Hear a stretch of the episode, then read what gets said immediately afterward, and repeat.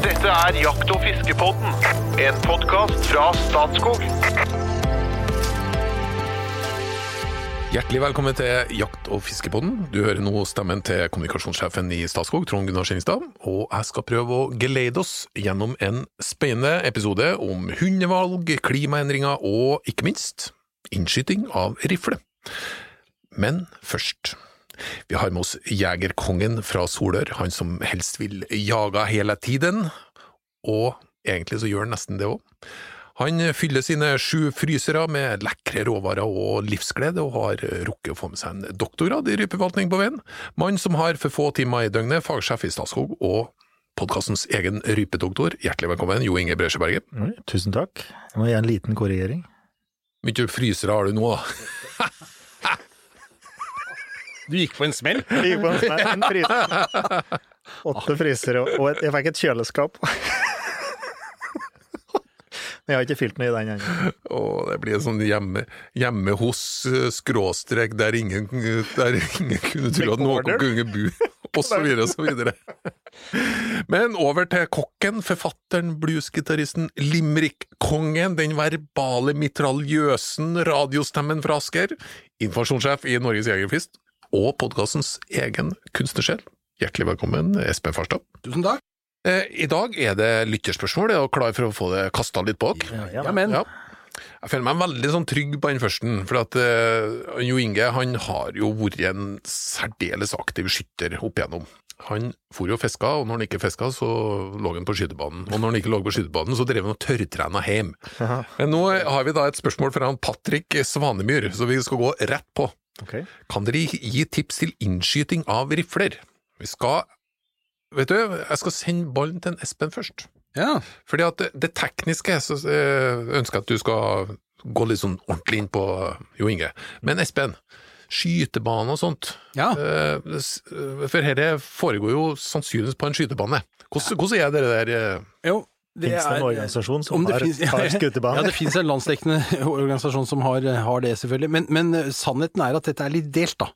Fordi at, eh, fordi at eh, Jeger- og Fiskerforbundet vi har veldig mange skytebaner rundt omkring i landet. Eh, Veldig ofte er det haglebaner. Nå snakker vi jo ikke innskyting av hagle på samme måte. Jeg går fra det er rifle vi skal snakke om her Ja, nå. ja. Og, og en god del av riflebanene det håndteres av en annen organisasjon. Mm, som jeg var aktiv i, da. Som heter DFS, Det frivillige skyttervesen, Mm. og mange rau samarbeid. Ja, og, det er, og mange av dem er samarbeidsbaner. Så det er. Kjempebra samarbeid, da. Ja, Det må vi si. så det er, så det er, eh, dette fungerer veldig godt rundt omkring i landet. Så det fins skytebaner overalt. og Eh, veldig mye er jo knytt, eller på mange av disse banene så, så henter man jo en god del inntekt fra jegerne, fordi at man har jo et krav eh, på storviltjakt ikke sant, om obligatoriske treningsskudd og oppskyting til storviltprøven årlig. Eh, Så det, det skaper jo trafikk og litt omsetning på banene, så, så, så det er bra. Og I tillegg så driver jo de da med litt sånn eh, annen type konkurranseskyting, ikke sant. Så det, dette går litt hånd i hånd. Det betyr at uh, du kan uh, alltids finne en skytebane ganske nær der du bor.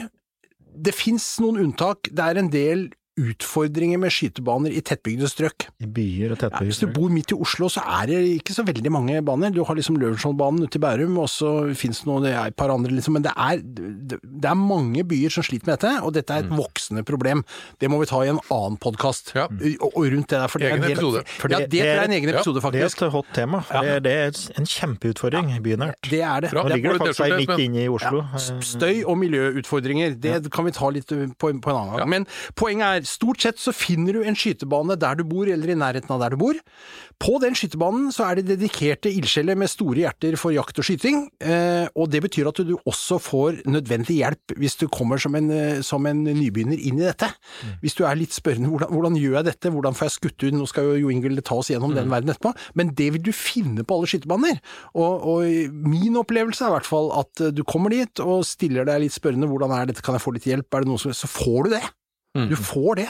Så det er egentlig et ganske velfungerende system rundt skytterbanene, syns jeg.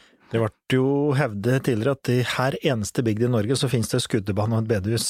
Ja, ja. Og nå er i hvert fall skuddebane med aktive Den Det bedehus er jeg ikke helt sikker på. Nei, men skuddebane helt sikkert. Og jeg vet da i min hjemkommune, Åsnes, da det er i hvert fall fem aktive skuddebaner ennå. Ja. Bare i én kommune. Ja. Og dette er en veldig spesiell kommune. Det må jeg si. Med så mye frysere. Det er som Ja. Nei, men det er jo skuddbaner. Altså det særlig der på bygda da. i Norge så finnes det skuddbane nær deg. Det er det nesten det eneste som er sikkert. at det er det. Og, og du skal ikke langt da i Sverige, og er litt det samme. Det er skuddbane på bygda overalt. Men du skal bare til Danmark, så er det en mangelvare. Helt annerledes. Og ja, Tyskland, nabolandet, er helt noe annet enn det her. Et, og så vil jeg bare føye til, før du går på det tekniske på våpen, at det å være litt på skytebanen er en For det første er det veldig hyggelig. Det er, sånn opp, det, det, det er en del av liksom jaktåret, da. At Ja. du bruker liksom vårparten på å være på skytebanen og alt dette her. Og det, det anbefaler jeg folk. Og for det første så skal man jo være der og trene, og, og, og få skutt inn rifla si og alt dette her sånn.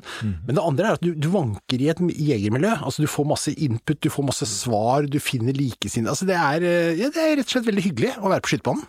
Og det er fullt mulig å bli bedre til å skute, til å være på skutebane. Og du får hjelp òg. Og det er alltid noen som er gode der, både til å lære bort og skute. Og alltid noen som er bære deg òg. Hvis du lurer på hvor disse skytebanene er, så laster du bare ned NJFF-appen, for der ligger det alle i et kart. Og hvis du står et eller annet sted og du ser en skytebane du kan tenke deg til, så kan du bare trykke på en knapp, så forteller den deg til og med hvordan du skal kjøre for å komme dit. Såpass, ja. ja, ja, ja, alt er tilrettelagt. Men eh, Jo Inge, jeg er Ja. med helt grønn. Ja. Eh, nå, eh, ja. Når trenger man å skjøte inn rifla si, og hvordan i all verden starter man? Nei, for det, det er litt Det ene ting er om det er det en innskuting for at du har vært borti noe, eksempel du har slitt kikkertsektet ditt, eller vært mistet bæsja. Det kan jo skje at du har dødd ned, eksempel du har stelt opp en vegg og så har det rasa ned, eller, eller du har fått et kakk i kikkerten eller slikt noe. Det er en type ting. Og det andre er hvis du har bitte kikkert, eksempel, eller er helt ny rifle og skuter inn. Det er liksom litt forskjellig, da, men, men grunnprinsippet, da, hvis du skal, hvis du skal, skal begynne helt på nytt, da. Eh, Du har, eh, du har kjøpt en ny rifle på en kikkert, og ikke, den er ikke innskutt i. Så hvis du starter der, for eksempel, så hadde jeg da reist på skuddebanen, og så starta jeg på 100 meter, altså en rund skive på 100 meter. Og så hadde jeg satt meg i en benk, eller liggende med anlegg. Og så ha bæsja i anlegg framme, og et uh, anlegg under pistolgrepet bak, så at hun ligger støtt. Sandsekker. sandsekker eller noe lignende. Ja. Så så rolig som mulig der, og så helt stødig. Og så tar du da ut sluttstykket, og så sekter du gjennom løpet, og legger det, sentrer det midt i blinken på 100 meter, så at du har blinken midt i, i hælet i løpet, da, når du sekter gjennom pipa. Og så ser du da på kikkertsektet samtidig, og da justerer du, grovjusterer du til at eh, sektekorset på kikkerten da er noenlunde midt i blinken. Samtidig som du har eh, løpet midt i eh, Altså blinken midt i løpet, når du sekter Ja, for på 100 meter så snakker vi ikke om noe særlig kulefall og Nei, ikke noe særlig. Mm. Nei. Og så begynner jeg deretter, og da skutt jeg enkeltskudd. Da har jeg liksom har grovinnstilt kikkerten, så jeg ser at den treffer der, hvis dette er fra start. da. Så skutt jeg enkeltskudd, og så øh, får du da, i dag er det stort sett elektroniske skiver, da, så du får anvisning per skudd. Da er det ikke noe vits i å skutte mange skudd da til å begynne med, du skutter enkeltskudd til du justerer det inn mot midten. Og da er det å skruve, da, så må du vite da hvor mange centimeter eh, hvert knepp gjør, for eksempel. Vanlig tyske kikkerter er én centimeter på ett knepp på 100 meter, mens amerikanske er eh, typisk eh, gå i tommer, da, så er den sju millimeter omtrent per knepp. Jeg må smette inn et spørsmål. Hvis det er 1 cm på 100 meter, hva er det på 200 meter? Da er det to. Ok, det blir sånn, ja. Ja. Jeg måtte jo tenke Ja, men det er jo Ja, ja. rotasjon og Nei, Ja, ja, og er- du. det, det, det europeiske systemet er veldig enkelt å forholde seg til, da. Ja. så det tilsvarer to centimeter på 200 meter. Og det fungerer, ikke sant? Og det går på lufta, vet du. Og de gode, gode eh, tyske kikkerter, så kan du flette deg rundt, og så, så er det en centimeter en centimeter. Ja. Mens i gamle dager, når sånne kikkerter var eh, litt billigere kvalitet, så kunne du skru og skru, og så plutselig var det litt ketsjup-effekt. Du rister og rister, og så får du alt på en gang. Og ikke kom tilbake til null her, men i tyske, for eksempel i tyske kvalitetskikkert, så er det, er det en centimeter, en centimeter, og du kan stole på det. da. Og da hadde jeg skutt meg med enkeltskudd til jeg kom inn i midten, og så hadde jeg tatt tre, for eksempel. Tre skudd, bare for å se at du er, er inne der. Men så har du jo det, som jeg sier, hvis du har dødd på jakt. Jeg, har- jeg har faktisk um, et eksempel. Jeg gikk ettersøk på en elg en gang, også med en hund som dro litt i bandet.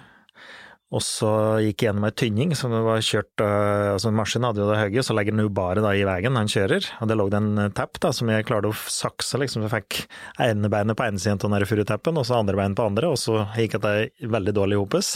Og jeg datt bare rett i bakken, lik dere tegnefilm. Bare helt på trynet uten å ta meg for noen ting, bare bank. Og fikk øh, bæsja i bakskaren. Og så letta opp ifra ryggen, så langt hun rakk i reima, og så inn i bakskaren en gang til. Og det var slik dere Jeg tror faktisk jeg dro på meg hjernerystelse. Det var en heftig smell. Og så tenkte jeg ikke på det der, at jeg hadde, for nå hadde jeg slått kikkerten min. Og så gikk vi lang runde, og så tilbake kom det inn i drevet igjen, og så snudde en elgen, så kom elgen på meg. Og så skulle skute på den. Eh, Den var jo skadd, han skulle jo ned, og skulle dø. Skjøt på den framifrå, på kort hold, og traff den ikke. Bare seriøst. Og så gikk han forbi, da, så traff han på neste, og da var jeg så nærme at jeg nesten bare kunne peke på den. Da gikk bæsja mi, da jeg skjøt inn bæsja mi dagen før, da gikk den 45 cm gæli i sida på grunn av det slaget i kikkerten. Og det er nukt at en elg som kom framifrå, så bomma jeg rett og slett på elgen han kom midt imot, da, på nærtall. Så det er en god regel. Hvis du har vært borti, eh, på en eller annen grunn mister bæsja di eller slipper den eller blir borti kjøkkenet, så bare prøveskutt. Om ikke noe annet ett skatt, bare for å se at du er der du er. Og bytter du patroner òg, så, så må prøveskutt, altså. Og, og mange trener da med helmantel, ikke sant, og så skal de skutte prøver med jaktammunisjon. Bare ha prøvd det der, altså. For det, det kan være ganske store utslag. Og, og bare gjør bevisst, og, og det er liksom litt gjennom sesongen nå. Bare prøveskutt og lik, bare for helt sikker på. Du får det, det Det skjer hvert eneste år når jeg er med, jeg er med på skuterbanen, når vi driver og eller instruerer litt, eller øh, er standplassleder eller noe. Så kommer det folk som da har jaktet elg hele sesongen, året før. Så skal de legge seg ned og begynne å skutte seg treningsskuddene, litt rustne, ikke sant, og begynne å skutte. Så går bæsja Det går, kan gå Det kan være ganske stor feil, da. Altså går, går mye galt. Ja. Og bare seriøst. Og da har de ikke da prøvd bæsja si. Da blir jeg litt skuffa, altså. Jeg har mitt flaueste jegerøyeblikk, tror jeg. Det er faktisk en sånn situasjon, for jeg hadde hadde invitert meg selv over på Vestlandet, til, til Haugesund, til en, til en kamerat jeg har der borte, som er en flink jeger, og han hadde invitert, han hadde invitert meg da, eh, over på seljakt. Mye ordnings og styrings, ikke sant, og vi er ut og det er tøff sjø, og det er på vinterstid, og vi lå ute på et skjær, og han lå ved siden av meg, og vi skulle liksom sørge for at jeg fikk skutt min første kobbe. Og så kom, ser vi en kobbe som kommer svømmende, liksom, og den kommer nærmere, og vi ligger og venter, og så dukker den, og så kommer den opp, og så, så reiser den seg liksom opp i sjøen sånn 50 meter foran meg, tenker jeg. Og jeg legger meg til det, så han sier skyt, og jeg, jeg ligger klar og sikter og skyter. Og bommer. Altså, jeg, jeg, egentlig ikke mulig, vet du, å, skyte så dårlig. Skal jo la oss gjøre det. Ja, og han der eh, Andreas da, som jeg var sammen med, han, eh, han, han var, var rista på huet, og så sier han I min verden hadde det vært en død sel. Og det snakker om å tråkke meg ned i søla, altså. Det, det var så dårlig gjort. Men, eh, men han hadde jo helt rett. Og da var det altså kikkerten som hadde fått et slag, og det var, den gikk helt ut. Og det selvfølgelig, selvfølgelig skal man ta et skudd på forhånd, bare for å sjekke at alt er på stell, når særlig sånn type prikkskyting som det er, da. Ja, for det hører med til historien. Det er jo hueskudd, da. Altså en ganske liten blink. Ja. Så det må det være Ja, ja. utskudd i, ikke sant. Men, men det var et Der bra er jo poeng. bom en bom òg, da. Bom, Bare ja. for å ha sagt det. Så. Men, men det er jo et bra, bra greie, da, for det er jo et reise òg. Altså når folk drar til Afrika, det er jo helt vanlig at du skuter inn, men det er helt konsekvent når jeg har vært til Danmark eller nedover i Europa og jakta, altså prøveskudd, og få prøveskudd til bæsja mi. For det å slik det er når den blir håndtert på flyet, det er jo bare å se på hvordan bagasjen din går ut og inn hver gang du flyr. Det, jo- det er jo ikke slik at de står og kjæler med bagasjen din akkurat. Og det har jo òg skjedd, at bæsja har gått annerledes da, når jeg kommer fram.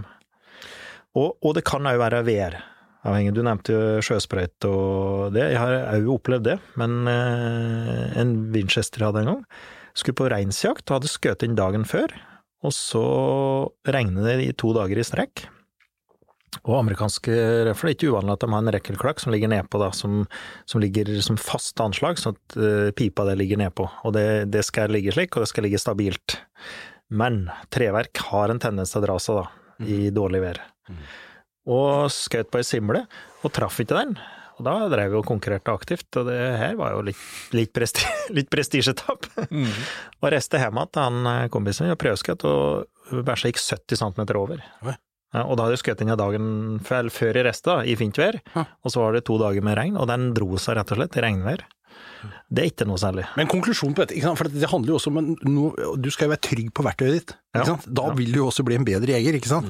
Så jeg, jeg tenker at jeg heller skyte ett skudd for mye enn ett for lite. Ja. Eh, Som, som et testskudd, bare for å sjekke ut hvor, hvordan er det dette er Og vi det er slik, slik når jeg går med hund i elgjakta for eksempel, så det er litt opp og ned, og du kan dette og så tester jeg litt hele tida.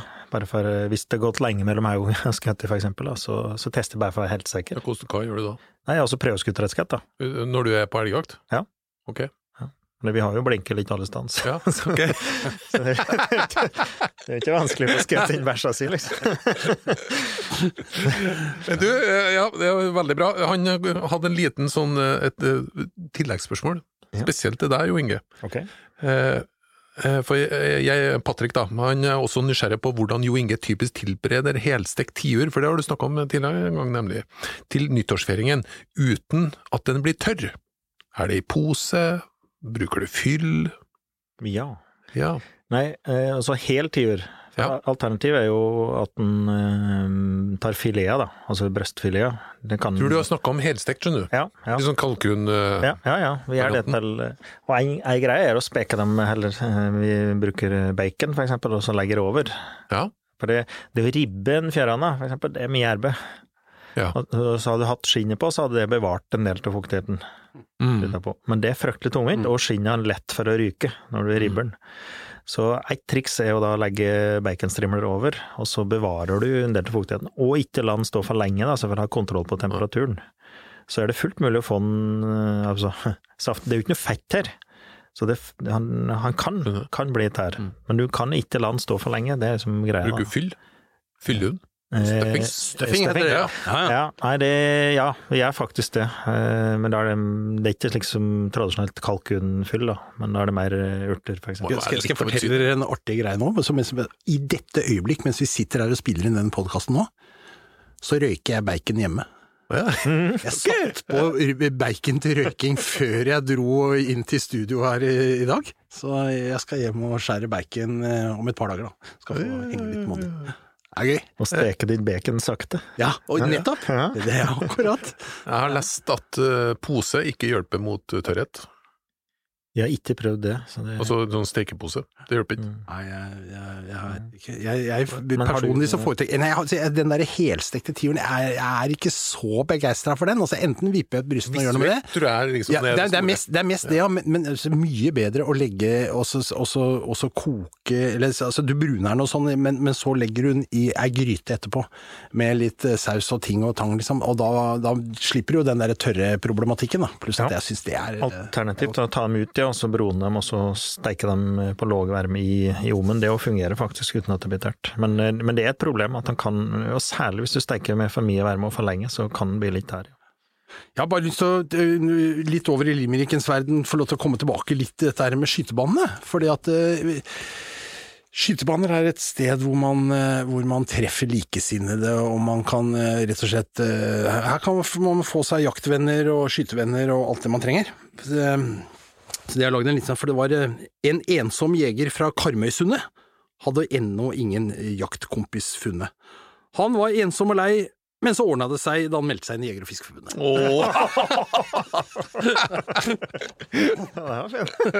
Eventyrlig. Ja, det var sant òg, vet du. Vi går over til et eh, spørsmål fra eh, en som på Instagram kaller seg Flyfisher. Eh, jeg vet ikke hva han heter. Eh, så han eh, Flyfisher må da sende eh, navn, og- navn og adresse og mobilnummer osv. Det hadde jo vært interessant om han het det, men jeg tror ikke det. Og da kan man eh, tro at her kommer det et spørsmål om fluefiske, men det gjør det ikke. Hei, super podkast! Hørt alle episoder perfekt i bilen når man pendler, og ser frem til hver eneste episode. Veldig bra start. Det, det hjelper. Jeg lurer litt på klimaendringer og jakt. Vi har jo alltid hatt litt parasitter av diverse slag på fugl og vilt. Eh, Selv jakter jeg mest fugl. Men er det noen endringer i negativ forstand når det gjelder parasitter og sykdommer som man tror kan komme av senere tids klimaendringer? Eller er det som før, naturlige svingninger på grunn av bestandstetthet og andre kjente og ukjente påvirkninger? Stort spørsmål selvfølgelig, men er det, hypoteser på, på at det, nå er det litt varmere, nå blir det mer parasitter? Kanskje parasitter som kommer fra Danmark opp til Norge? Hjortelusflue, da. Ja. Ja, men men det var spørsmålet om, om bestandssvingninger skyldes det her, eller at det vil, vil kunne komme eh, andre parasitter med klimaendringer, var det det? Jeg tror det er begge delene, liksom. Ja, ja. Nei, ja, det er jo, og med det er jo en greie, da, sant? noen skylder på parasitter for nedgangen. Uh. Ja, nei, jeg, hvis jeg forstår det, det, det, det er fritt frem da, men hvis jeg forstår det rett, så er jo parasitter er kanskje et utslag når en bestand har blitt for tett. Kan det kanskje være naturens eh, svingninger på den måten òg? Ja, kanskje. Kan være. Nei, men Espen tar jo et bra eksempel, hjortelusflua. Den har jo kommet for fullt de siste eh, 10-15, kanskje. ja. Den har jo kommet til med til mine trakter, og den er eh, en pest og en plage, for å si det mildt. Eh, Jeg møtte en representant for Sopp- og nyttevekstforbundet en dag. De tok opp det som en stort eh, dilemma, faktisk, i foreningen med sine 5700 medlemmer, at det var en pest og en plage. Og det er det, rett og slett. Og, og den er verre hos meg, i hvert fall mye verre på bygda enn den er inne på skogen. Ja. Litt på Finnskogen, med litt hardere vintre og helst litt eh, bærklaking før snøen kommer, så går det bedre. Men den går da på hjortevitt. Ja. Eh, Særlig Går den på mer? Eh, Vet dere det? Eh, Går den på fugl og sånne ting òg, eller? Nei, men den ligner på fuglelusa. Ganske lik på fuglelusa Ja. i utseendet. Eh, Går på, særlig på elg, da. Men vi har det jo på rådyr og, og hjort, men hos meg da, så er det stort sett elgen. Og når den kom, da for seg hver ti år siden hos oss, da i hvert fall, så så eh, ble elgen så hardt angrepet at de mistet rett og slett pelsen. De eh, gnikket seg og, og ble hårløse. Mm. Og vi husker det var til å avlive en del elg hos meg som da gikk De så ut som dere semske skinnjakker, liksom. Uten pels. Det var, Du kan jo tenke deg plagen. Altså Hvis du gnir deg så mye som en elg mot, mot trær og busker fordi det klør så mye at du mister håret. Dette er ganske tøffe tak, altså. Mm. Ja, og, og en elg da som er hårløs midtvinters, det er, det er rett og slett eh, Da er det bedre at den kan slippe, altså. Og, og få må bøte med livet, for det, det er ikke bra. Det er jo Nei, det er, jo- de er jo tilpassa det klimaet, med pels. Ja. Og jeg ser jo det på liksom Når jeg var lett å ha saltstein lenger, så hadde jeg elg på saltstein, så ser jeg at det liksom oppover hasen og i mulen og det, det var liksom Det bare kraler, ikke sant, det der hjortelusfuglen. Det, det må være en plage for dem. Ja. Rett og slett. Eh, Og det er klart, den mest sannsynlig har kommet mildere vintre, da. For eh, den, den trente ikke så godt når det er kaldt i bakken, og spesielt da kaldt før, når den er over i vinter i bakken. Ja. Er det da kaldegrader, og mye kaldegrader før snøen kommer, så vil den slite da. Så den, det er greia som er kommet. Og vi ser òg, slik som i mine trakter, så i, ja, jeg har fått flått på bikkja mi, det hadde jeg jo ikke før. Og den er jo ordentlig plage, på kysten i hvert fall. Mm. Eh, og kan dra med seg noen grimme bakterier og sykdommer. Mm. Den eh, profitterer jo på mildere vintre. Og så er det alt det vi ikke veit noe som kommer, da. Mm. Eh, så det er jo ikke bare positivt. Men det er noe sånn inni kjøttet, og jeg kan faktisk òg utvide til fisk. Ja, det er jo det. Det Ja. finnes jo parasitter. Men om, om dette på en måte sprer seg i større grad pga. klimaendringene, det må jeg innrømme at det Kanskje vi må vet jeg rett litt og om. slett hente inn en ekspert. Da vet jeg hvem vi skal hente inn. Å, såpass òg, Ja, ja, ja, ja. da- skal vi ha fra Veterinærinstituttet er vi veterinær. Tor, Tor Atle Mo. Han er veldig god på dette. Han tror jeg vi skal ha inn da. Men for det, for det veit vi jo faktisk ikke ennå, da. Her som eventuelt kommer, ikke sant. Og her blir det neste. Eh, og så er det jo slik at klimaendring vil jo begunstige en hel del arter. Altså rådere for eksempel vil jo tjene på at det blir mildere vintre og, og, og mindre snø om vinteren og det. Bare for å ta ett eksempel. Mens villreinen og ikke minst fjellrype og og rypen generelt da, vil jo slite med at det blir eh, mildere vintre. Så det er jo mange arter som er tilpassa dette klimaet. Og hærene, ikke sant. Hvit hæra på, Ja. på bær bakke, det er jo Mm. Ja, dårlig. dårlig, dårlig nytt. Ja. Rødreven eh, profitterer. Rødreven vil nok mest sannsynlig profitere på det. ja. Så, så det er jo ikke slik at det, det bare er negativt, for en hel del arter vil faktisk profitere på det. Vi kunne få inn liksom Villsvinet i Sverige vil profitere på mildere vintre, ikke sant. Så har vi jo en sånn problematikk knytta til altså milde vintre for villrein f.eks. Det skaper jo ising på, på, Spesielt på vinter. Ja. ising på beiter, Ja, og, og det- fotråte. Ja, og går og tramper i, i gjørme og får fotråte, ikke sant. Det er Og de blir pressa sammen på mindre områder, og der er jo også menneskelig aktivitet inne i bildet. Så det er jo en kombinasjon, og det er jo hele veien her, tror jeg. Ja. Kombinasjon av ulike Stemmer. faktorer som slår inn. og- og som går i, med negativt fortegn. Ja. Altså, kombinasjonen det er ikke slik at det, den ene oppveier den andre heller, det er liksom flere negative. Som ikke nødvendigvis blir en pluss, da. Mm. Så, men, men det er ikke slik at klimaendringer bare er negativt.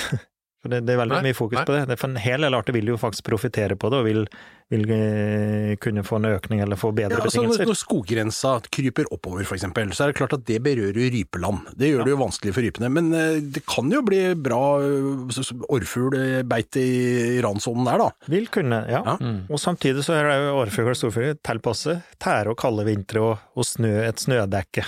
Ja. Så, og, og reven, ikke minst, og måren vil òg profitere på at skoggrensa trekker oppover. Den vil jo da trekke med skogen lenger opp. Mm. Så, så, men, eh, men ja, det dette er et stort spørsmål. Ja, det det. Og, og vi ser nok ikke helt konsekvensen ennå, da. Men for veldig mange arter så vil det være negativt, og så vil det òg komme med samtidig da med f.eks. parasitter da, som, eh, som ikke, vi ikke veit ennå, og som vil profitere på det. da. Og så skal jeg bare nevne noe som vi dessverre ikke kan gå inn på, men det er òg sånn at det er veldig mange ting som påvirker her. Ja. Mens svaret er at du skal redusere jakt. Det det er veldig sjeldent at eh, vi går inn for å redusere det andre. Eksempel villreinområder og så videre. Men et stort spørsmål, eh, men det skal vi tilbake til en gang senere. Vi diskuterer jo ferdsel i villreinområder. Ja, og- ja, og det er skjer det jo for så vidt ting. Ja, Eh, eh, Turistforeninga har vel òg stengt enkelte Ja, ja. hytter i visse perioder, i hvert fall. Du, ammunisjon, hva er 1089 for noe? Det er eh, kaliber 10, som er eh, med magnumkammer, og da er det 89 millimeter. Kan ta et kammer som har, kan ta 89 millimeter lange patroner. Okay. Det er jo det grøvste, ja. Det fins kanskje åtte òg, men i hvert fall ti er stort sett det grøvste som er mulig å få kjøpt nå, da. for vi har en eh, lytter som har bidratt til et valgets kval. Alltid jakte med lerdueammunisjon, eller alltid jakte med 1089? Jo Inge først. Nå er, tenker jeg ble vanskelig. ja, det er helt riktig. 1089 kan jo brukes til det meste, men det er en styggedom å drive skudd med det der, da. Så jeg tror faktisk jeg hadde, da hadde jeg heller tilpasset jakta med, lerdue og ammo, ja. Skutt på kortøl, så tar jo lerdueammo det Ja, nei, jeg er helt enig. For fordi at det, det der, det, det, faktisk så har vi jo vært i den situasjonen, bare for å nevne det. For at da vi fikk blyforbudet under jakt, eh, så måtte vi jo gå over til andre typer patroner. Mm. Og, og da måtte vi jo på en måte tilpasse oss eh, til patronene. Det er den som på en måte legger begrensningen på hva, hvordan, altså hvor langt hold kan du bruke, og hvordan kan du bruke dette her. Og det, selvfølgelig, der er jo vi Vi kan jo være plastiske her, vi, og tilpasse oss, passe oss situasjonen. Og, og hagle er jo ekstremt effektiv, og har fryktelig mye energi på kort hell. Så hvis hæla er stygg nok, så tar du jo livet av det meste med lerduehagl, da. Hvor nært må du på duejakt, da? Med lerdue? Der bruker du lerdueammunisjon, kanskje? Ja, jeg har gjort det. I hvert fall vi jakter med bly, da. Men på så er rype, da? Nei, men du klarer å skute rype med lerduammo på mellom 20 og 25, kanskje 25 meter. Okay. Ja. Og vanlig, altså ordinær ammunisjon, hvor mange Nei, meter hvis du øker skutter du? med en 1089 da, og legger ut 60 gram med, bly, så kan- du kanskje strekke hele til 40 meter, da. Ja. Men, og det er jo det er jo så mange kuler du kan støpe til et pund med bly, tror jeg. Eh, okay. Like kuler. Det tilsvarer diameteren på en kaliber 10, da. Det er det gamle engelske benevninger. Og så er det 89 millimeter kammer. Det er jo en, ja, jeg tror de eh, ligger på noe slikt dere 60 grams ladninger, jeg. 60-65 gram eller noe. Jo Inge, nå sitter du og prater, mens Trond Gunnar, jeg har dette jeg har Ja, forlengt. Jeg så det lange blikket til Trond Gunnar her nå. Ja. Ja, ja. Nei, men jeg var veldig nerding. Men jeg skjønner ærlig talt ikke helt poenget, da. Nei. Det er 10,89 her, liksom, her skal du med det. Det- Valgets kval, det trenger ikke nødvendigvis er så mye poeng. Nei, nei, all del. kval all del. Hver sin lyst. Ja. Nå kommer vi til å slite, eh, for jeg tenker jo at eh, ja, uansett, vi tar et spørsmål til som er potensielt stort. Det er en Anders Åseby. Jakt med hund er meninga med livet, og lite slår en god los. Å lytte til Jakt- og fiskebåten er også helt der oppe. Det liker. Etter mange år med dags som rådyrhund, vurderer jeg om neste jaktkompis skal bli en støver til revejakt. Det blir litt vanskelig, da. Det blir nesten valgets kval der, da, så han har sitt eget. Når jeg jakter rådyr, foretrekker jeg å være én til fire jegere i skogen, og ser for, meg, ser for meg at jeg vil ønske det samme om jeg skaffer revehund. Så spørsmålet er da, er det mulig å jakte rev noenlunde effektivt med få jegere og en støver, uten å ha tilgang på hihund? Hvis det er sånn at de fleste rever går rett i hi etter en halvtimes los, tenker jeg at det er upraktisk og til dels lite givende å jakte med kun støver. Eh, Jeg kan eh, jeg, For min egen del så trenger jeg litt innføring, da. Jeg antar da at en hihund det er en hund som går inn i hiet. Ja. Og så tipper jeg at det er for eksempel en terrier, ville jeg tippa en hihund, da. Ja. Kanskje en dachshund, det, det vet jeg ikke. Kanskje Når bruker man hi... eh, Kan, ja, jeg, jeg, jeg lurer på om jeg slipper til hundejegeren vår. Definitivt. Ja. Nei, men han har jo helt rett. da. Jakte med hund det er jo meninga med livet, det. Og en dags er i hvert fall meninga med livet. Han må ha en dags. Jeg kan ikke skjønne annet at han kan Han, han må nesten fortsette med det, syns jeg. Han kan ikke bare gi opp den. Det er slik det, det kan ha i tillegg, den teller jo ikke. Jo Inge har eh, dags. Han har to dachser. Ja. Kosehunder. ja. Striåret. Eh, og jeg syns absolutt han skal kjøpe seg en støver for jakt og rev. Det, det er jo helt på grensa til meninga med livet, det vil jeg påstå. Men han, og han klarer det fint med én til fire, som han sier, eh, og jakte effektivt. Det er fullt mulig å få til. Men han vil fryktelig fort eh, se at han har behov for en hihund, som han sier. Og det er da stort sett terriere, da.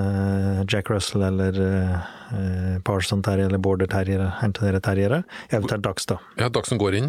Ja. Ja. Men det er ikke så vanlig i dag at de bruker dem på, som hihunder som det var tidligere, når det er mer terriere stort sett det går i. Jeg tror alle de jeg kjenner som har revestøvere som satser litt, litt tungt i bransjen, de har hihunder i tillegg, eller har tilgang på hihunder. Ja. Og, det- og der er det to, to klasser, da. Det ene er den støvelen som går sakte nok til at reven føler seg trygg og, og velger å ture oppå bakken. Da kan det gå fryktelig lenge oppå bakken. Og så er det de eh, støvere som er som vi kaller revesprengere, som, er, eh, som går kjapt, veldig kjappe til bens. Da blir reven litt mer utrygg og søker fort i hi. Okay. Og det kan gå kvarter, halvtime, liksom. Da er de veldig kjappe å bare finne seg i, for det her skjønner de, her klarer de ikke å holde unna for hund. Eh, så Er det noe du trener opp hund til, eller er det, er Nei, det nei det, det er rasen. Så at er liksom en av de mest vanlige revestøv, skillerstøver, den går slik sett litt saktere, så at eh, der har de lett for å ture opp på bakken. Eh, Så en seks til tolv kilometer i timen, kanskje. Mens eh, liksom amerikanere kommer til coonhounds og, og, og russisk flekkestøver som russere har, som er eh, store, grove, men kjappe. Da går de enda kjappere, og så vil revene føle seg litt mer utrygg, og så går den, går den i hi, da. Veldig kjapt. Da må du ha en hihund, for det er som du sier, det er jo en rev som har gått i der, den kommer ikke frivillig ut igjen derifra da. Nei. Nei. Det, så da, da blir det litt tungvint. Så da må du ha en hihund. Og greia med hihund da, er at eh, den har gått inn i hia, så bruker vi å legge igjen jakke eller et eller annet i hiåpningen. Et eller annet som vi lufter av. Eh, og så henter vi da hihunder som da ligger i ei kasse i bilen, som regel. Den har vi jo stort sett med. Og så tilbake dit, og så er det noen til å passe på hiåpningen, da. Du, de fleste hi er jo kjent når du jakter i et område du er kjent, så vil du, vil du kjenne hia etter hvert, da. Og reven har jo som regel flere utganger, så det er å Ja. vakte utganger, ikke sant? Mm. og ligger det snø over dem, så er det fort gjort å glemme å vende utgang, til erfaring. Og så det her er det ekstremt nøye på skuteretninger, da. Så at de ikke begynner å skute mot hverandre. Mhm. Og da går vi stort sett og står da som du står over i hiåpningen, da. Så du står bak, så ikke reven ser deg når den kommer ut. Og så er det inn med hihunden, og så skal den stresse. Den skal bare inn og så bjeffe og holde behørig avstand, og så bare stresse reven. Ikke stresse, da, men altså at han skal lose, og, og reven skal liksom uh, føle at hun merker at hun er der. Så den skal ikke prøve å ta reven, den skal, skal skremme reven ut. Så hvis hun er eh, på en måte heit, liksom, så den prøver å ta reven, det er helt uønskelig. Det er, det er ingen tjent med, og det, da blir det en slåsskamp, og da vil helst ikke reven ut. Så den skal bare inn og så lose, og passe avstand for den. Så skal den ligge liksom mot hiåpningen og, så- og lose på den, da. Mhm. Og så skal den ut ur hiet, og så bruker jeg den en til to-tre ganger. Så man rinner, og så bare loser litt på hunden. Så tar vi ut hunden, og så går, vi, går den som har hunden, og går da unna og prater litt, og nå forlater vi hiet her, ikke sant. Og så står de andre bare helt musestille. Og så kan det gå alltid fra noen sekunder til en halvtime, da, men da kommer reven. Nesten hver gang. Mm. Så å si nesten hver gang kommer den. Og da har du ikke ekstremt god tid på det. For hvis du ikke har opplevd det før, så, så tror du ikke på hvor mye farten en rev kan få ifra han bestemmer seg for å forlate hiåpningen til han er ute på bakken der. Det, det tror du ikke før du ser det, altså. Det liksom, du må jo være litt på her, da. Og er det, er det kaldt, så kan det jo være å stå en halvtime i 20 kaldegrader liksom, og vente, og så har du noen brøkdel av et sekund på å bestemme, liksom. Det, og, ikke- minst, da, få ut hunden, så ikke noen driver skuter på hund. For det, det skjer jo da et jordhiv for eksempel. Ja. En svart terrier, en tysk terrier eksempel, og så er den full, full i jord og kommer ut der, rett før eh, reven eksempel. Det, det har jo skjedd, at hunder har vært skutt på. Ja.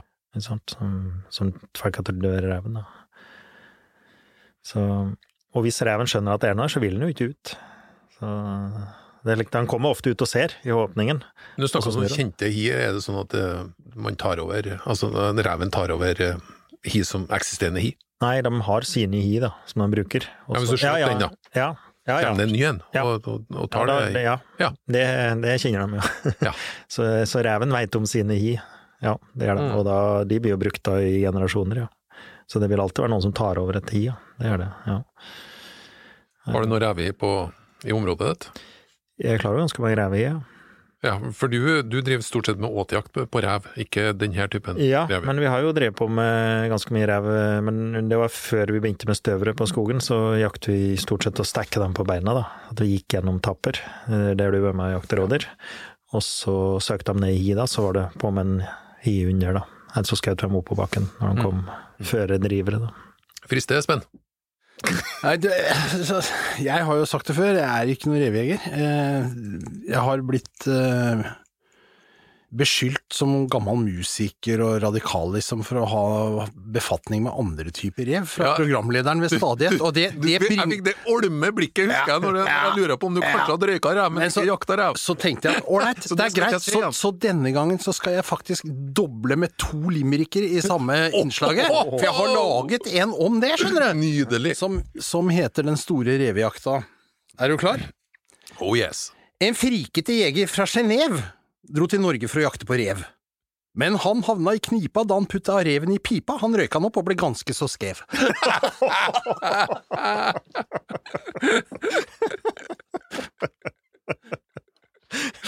Nei, det var bra. Det var veldig bra. Så det gjorde jo inntrykk, da, skjønner jeg. Det gjorde inntrykk på meg, det blikket jeg fikk den gangen også. men eh, Patrick og Flyfisher og Anders, dere må sende eh, informasjon om eh, hvor, hvor den sagnomsuste T-skjorta skal hen. Artig å høre hvordan det går. Han må inn og kjøpe seg en støver. Ja, Kommer ja. Langs, Men eh, konklusjonen var å kjøpe begge delene. Ja, han kan, ja, må ha en dag så. Ja, jeg syns det. Den, den teller ikke. Nei. nei. Er du klar for hot or not før vi fader helt ut? Fyr på. Espen svarer først. Ja. Skytestav, hot or not? Hot. Hot. Villsvinjakt med termisk sikte, hot or not? Ja, hot. Ja, Hot. Du må ikke bli så stilt. Nei, nei.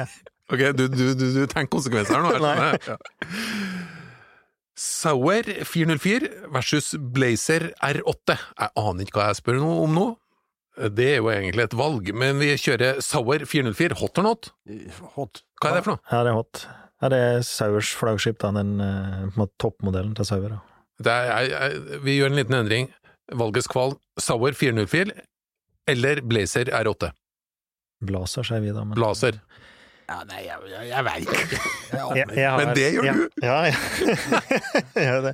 Ja, jeg har jo blazer, men jeg har jo blazer R93, og det er eh, som Christian sier, er gild børse. Mens er, Det er for de blaserte. Ja, ikke sant? Mens R8 syns jeg har blitt klumpete og tungvint og slik, så jeg hadde faktisk gått for Sauer 404, selv om jeg syns den er litt tung. Da går vi jo for det. Espen. Ja, jøss. Ok, vindusfiske, hot or not? Hot. Ja, det er hot. Støvsuging, hot or not? Ja, det er hot. Nei, vet du hva, det er hot. Nei, men det, du, du, da må jeg, jeg må bare få lov til å er kommentere. Tio Inge, og det er at du tar grusomt feil. Litt, en liten sving med støvsugeren, og du sanker jaktpoeng som kan komme til nytte seinere. Ja. Jeg er- jo klar over det, men han spurte om det var hot eller not, og det støvsuging, det er slettes ikke hot. Men nå, Det er da det, da. her kommer kanskje grensa, skjønner du, Espen. Støvtørking, hot or not? Ja, nei, det er not. Det er riktig. skikkelig not. Jeg er analfabet på støvtørking, altså, men, Ja. men støvsuging, det funker. Det ble en merkelig hot or not, da, men vi skal uansett følge tradisjonene. Vi skal lande med følgende fra DDE-albumet Vi er konger, og låta Jeg er dum! Hot or not? Du hører jo! Som dere hører, hot på begge to. Hjertelig velkommen neste fredag.